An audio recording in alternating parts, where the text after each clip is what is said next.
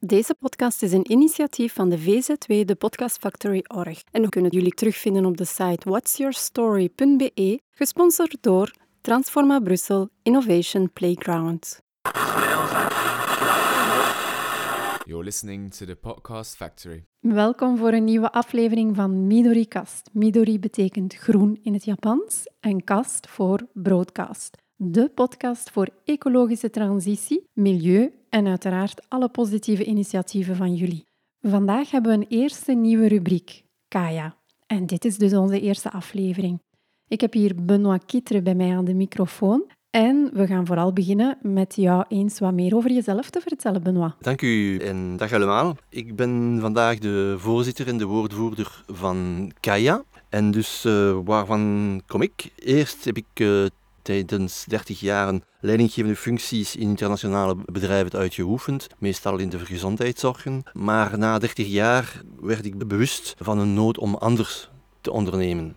Daarom ben ik gestart met een nieuw masterprogramma op het UCL om bijkomende competenties over de relaties tussen het milieu en menselijke activiteiten te leren. Sinds dan ben ik bezig met transitie en ecologische transities van bedrijven en organisaties. Sinds nu een paar maanden ben ik eh, nu de voorzitter van Kaya en uh, ik ben blij dat we vandaag over Kaya kunnen praten.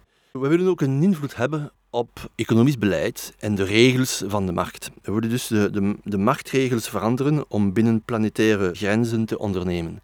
En dat is iets van belang dat als we willen duurzame modellen naar voren brengen, de regels moeten daarvoor aangepast zijn. Zijn jullie enkel actief in België of ook in het buitenland? Kaya is bezig in België, maar we zijn lid van een Europese vereniging die heet Ecopreneur EU, die bezig is in andere landen zoals Nederland, Duitsland, Oostenrijk en nog verder.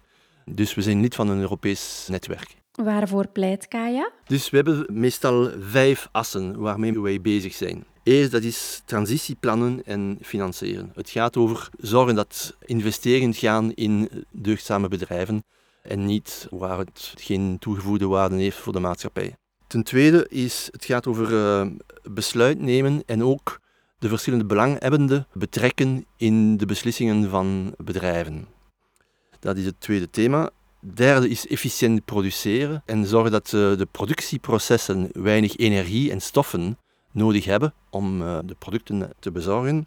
Als de producten beschikbaar zijn, moeten wij toch sober consumeren. We moeten natuurlijk zorgen dat de oplossingen van de eco-ondernemers sober zijn en bevorderen een sober consumptiegedrag van de, de, van de mensen. Dus de transformatie is ook belangrijk. Inderdaad, we willen daaraan bijdragen. En ten einde is ook opleiden voor transformatie. Er zijn nieuwe competenties die nodig zijn.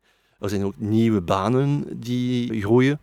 Dus we willen ervoor zorgen dat het beleid daaraan een antwoord bezorgt. Wat zijn de eerste reacties van ondernemers als ze in contact komen met Kaya? Dat hangt af van het profiel eh, van de mensen. Maar het is, er is iets die heel belangrijk is.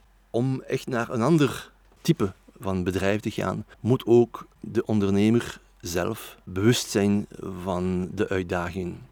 Er is ook een persoonlijke transformatie die van belang is. En het start daarmee. Als, die, als uh, de bedrijfsleiders bewust van deze uitdagingen zijn, dan ze vinden dan ons voorstel heel interessant. En ze willen uh, meespelen. De mensen die nog in het traditionele denkpatroon zijn, zeggen, ja, maar is het niet te moeilijk? Waarom zoveel veranderen? Waarom uh, moet ik anders ondernemen? En daar moeten we echt uitleggen wat van belang is. En er is zeker en vast een bewustmaking die nodig is. Waarom zou je lid van Kaya worden? Kaya worden is duidelijk een maatschappelijke inzet om anders te ondernemen. Dus het gaat over deelname aan een, aan een groep, aan een coalitie, om goede praktijken uit te wisselen tussen de leden, de, de eco-ondernemers.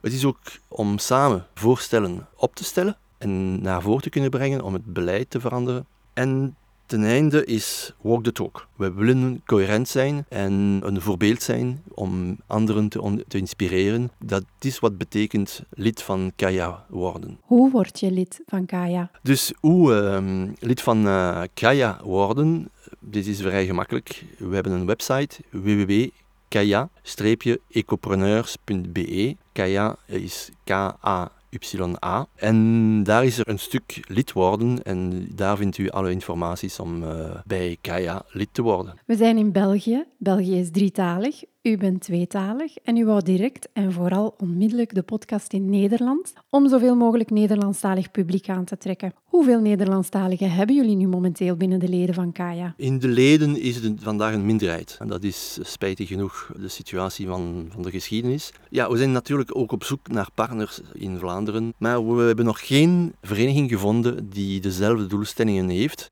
Dus we zijn, als iemand geïnteresseerd is, we zijn nog, altijd, eh, we zijn meer dan ooit open om samen te werken. Maar we willen natuurlijk ook invloed hebben in, in Vlaanderen. Bedankt voor deze presentatie over Kaya. We gaan nu over naar onze tweede gast van deze aflevering, Anatole Frank. Aangenaam. Hallo. Anatole, dezelfde vraag als bij Benoit. Wie ben jij? Mijn naam is Anatole Frank. Ik ben permacultuurdesigner en oprichter van Perenia. Ah, top. Heb je hier bij Transforma ook gezien dat we permacultuur doen? Nee, ik heb het nog niet gezien. Ik zal je later een rondleiding geven. En wat is het doel van uw eco-business? Ja, ik heb eigenlijk twee doelen. Mijn hoofddoel is eigenlijk ervoor zorgen dat onze samenleving aan meer veerkracht kan winnen tegen de komende crisissen, economische crisissen, de klimaatcrisis of biodiversiteitscrisis. En dat hem ook in duurzaamheid wint. Duurzaamheid in de twee betekenissen van het woord, dus ecologie, maar ook duurzaam in de tijd, dus langdurend. Dat wij duurzaam hier dus lang nog kunnen leven op onze planeet. En het tweede doel is eigenlijk ervoor zorgen dat het karikatuur van permacultuur wegkomt. Dus dat de mensen denken van ah, permacultuur, dat is een ecologische moestuin. En dat ze eigenlijk weten dat permacultuur een ontwerptechniek is. Ik ben blij dat u dat zegt. Permacultuur is zoveel meer dan enkel een tuincultuur. Het is eerder een globale houding en vooral een levenskeuze. Ja, ja, ook onze levensstijl. En echt, het heeft een impact op alle verschillende aspecten van onze samenleving. Wat zijn de belangrijkste fases in de ontwikkeling van uw bedrijf? Het begon eigenlijk bij mij bij een bewustwording ja, in het begin wist ik helemaal niet in welke toestand onze samenleving echt was en onze planeet en de impact van de mens. Dus de manier waarop we leven eigenlijk, welke impact het had op onze omgeving. En tijdens mijn studies ben ik daar bewust van geworden. Ik studeerde communicatiemanagement en het was eigenlijk heel simpel. Tijdens de, voor de cursussen van Engels moesten wij documentaires bekijken in het Engels. En de leerkracht had bewust bepaalde thema's gekozen. En ja, we hebben zeker in twee jaar dertig documentaires en reportages gezien, dus dat was heel intensief. En mij heeft het geraakt. Ik ben dan verschillende boeken gaan lezen. Ik heb zo permacultuur ontdekt en beetje bij beetje heb ik me daarin verdiept. Dus de tweede belangrijke fase was eigenlijk de vorming. Ik heb cursussen gevolgd, ik heb veel zelfstudie gedaan en heb dan ook het, het, potentieel ontdekt van permacultuur. En dan heb ik tijdens een van mijn opleidingen in permacultuur heb ik dan een eerste opdracht gedaan. Dan ben ik zelfstandig in bijberoep geworden en nu sinds mei ben ik zelfstandig in hoofdberoep, mei vorig jaar, dus mei 2022. Wat is je leeftijd? Ik ben nu nog juist 29. Eh, wat doe je en wat onderscheidt je van een traditioneel bedrijf? Ja, met een traditioneel bedrijf, het verschil zit gewoon in ja, de duurzaamheid, maar niet enkel van mijn activiteit, maar ook voor het uitoefenen van mijn activiteit. Dus inderdaad, mijn activiteit, het ontwerpen van duurzame ja, tuinontwerpen, nu voornamelijk, is een duurzame activiteit, maar het uitvoeren probeer ik ook zo duurzaam mogelijk te doen. Dus als ik me verplaats, doe ik dat zoveel mogelijk met de fiets of met een gedeelde wagen als het kan. Als het kort is, dan neem ik een elektrische gedeelde wagen. Ook in al het apparatuur dat ik nodig heb en moet aankopen, dus de technologie, computer, een scherm en andere en de datacenters. gereedschap, ja, heb ik nu niet nodig, maar dat zou een voorbeeld kunnen zijn. Daar zoek ik altijd om refurbished te kopen, dus tweedehands, maar zo goed als nieuw omdat ik dan ook mijn impact eigenlijk kan verlagen. En zo probeer ik dus de impact van mijn bedrijf op ons milieu te verminderen. Is het dan soms niet moeilijk om het onderscheid te maken? Als je kijkt naar de elektrische wagens, in het begin alleen maar positief nieuws en daarna opeens alleen maar negatieve feedback. Het is altijd of wit of zwart, nooit genuanceerd. Ja, ik, ja inderdaad. Ik heb mij daar veel over geïnformeerd, omdat het ja, ook een thema is die mij aanspreekt.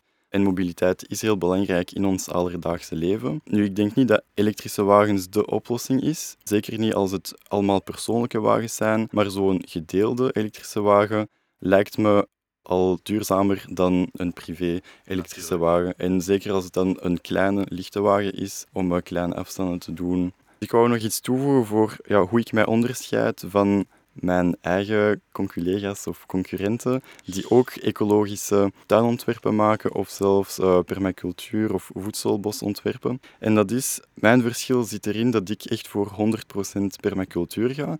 Dus echt altijd kijken naar het geheel van het project. Als bijvoorbeeld iemand een voedselbos wil ontwerpen, dan ga je kijken hoe kan ik dat voedselbos ontwerpen binnen het groter project. En dus dat altijd integreren in een duurzaam permacultuursysteem, zoals het ja voor mij hoort eigenlijk. Waarom ben je lid van Kaya? Ik ben lid van Kaya geworden omdat ik op zoek was naar andere ecopreneurs die net zoals mij ja, hier een, een betere wereld willen maken en echt een, de moeite willen doen om een groot verschil te maken.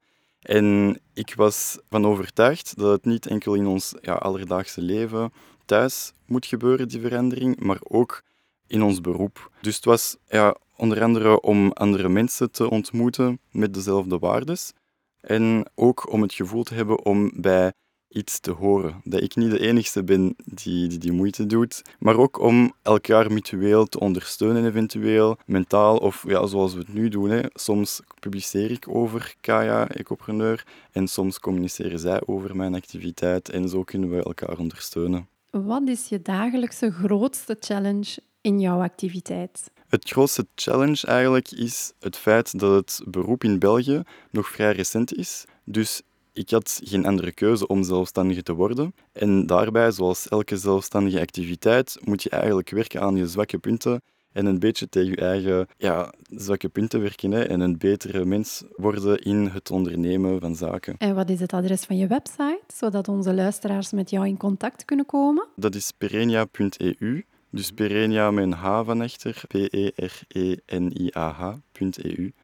Dat is mijn website in het Nederlands, in het Frans, ook in het Engels. Maar uh, nu concentreer ik mij vooral op de Nederlandstalige. En dus ik maak ook video's en artikels, voornamelijk in het Nederlands nu. Voor onze luisteraars, like, deel en comment deze podcast, zodat we Anatol en zijn bedrijf bekendmaken daarbuiten. En ook deze podcast natuurlijk. Als jullie een bericht willen laten voor Anatol, kan je in de tekst van deze podcast de link vinden naar de voicemail. Wij bezorgen deze dan aan Anatol.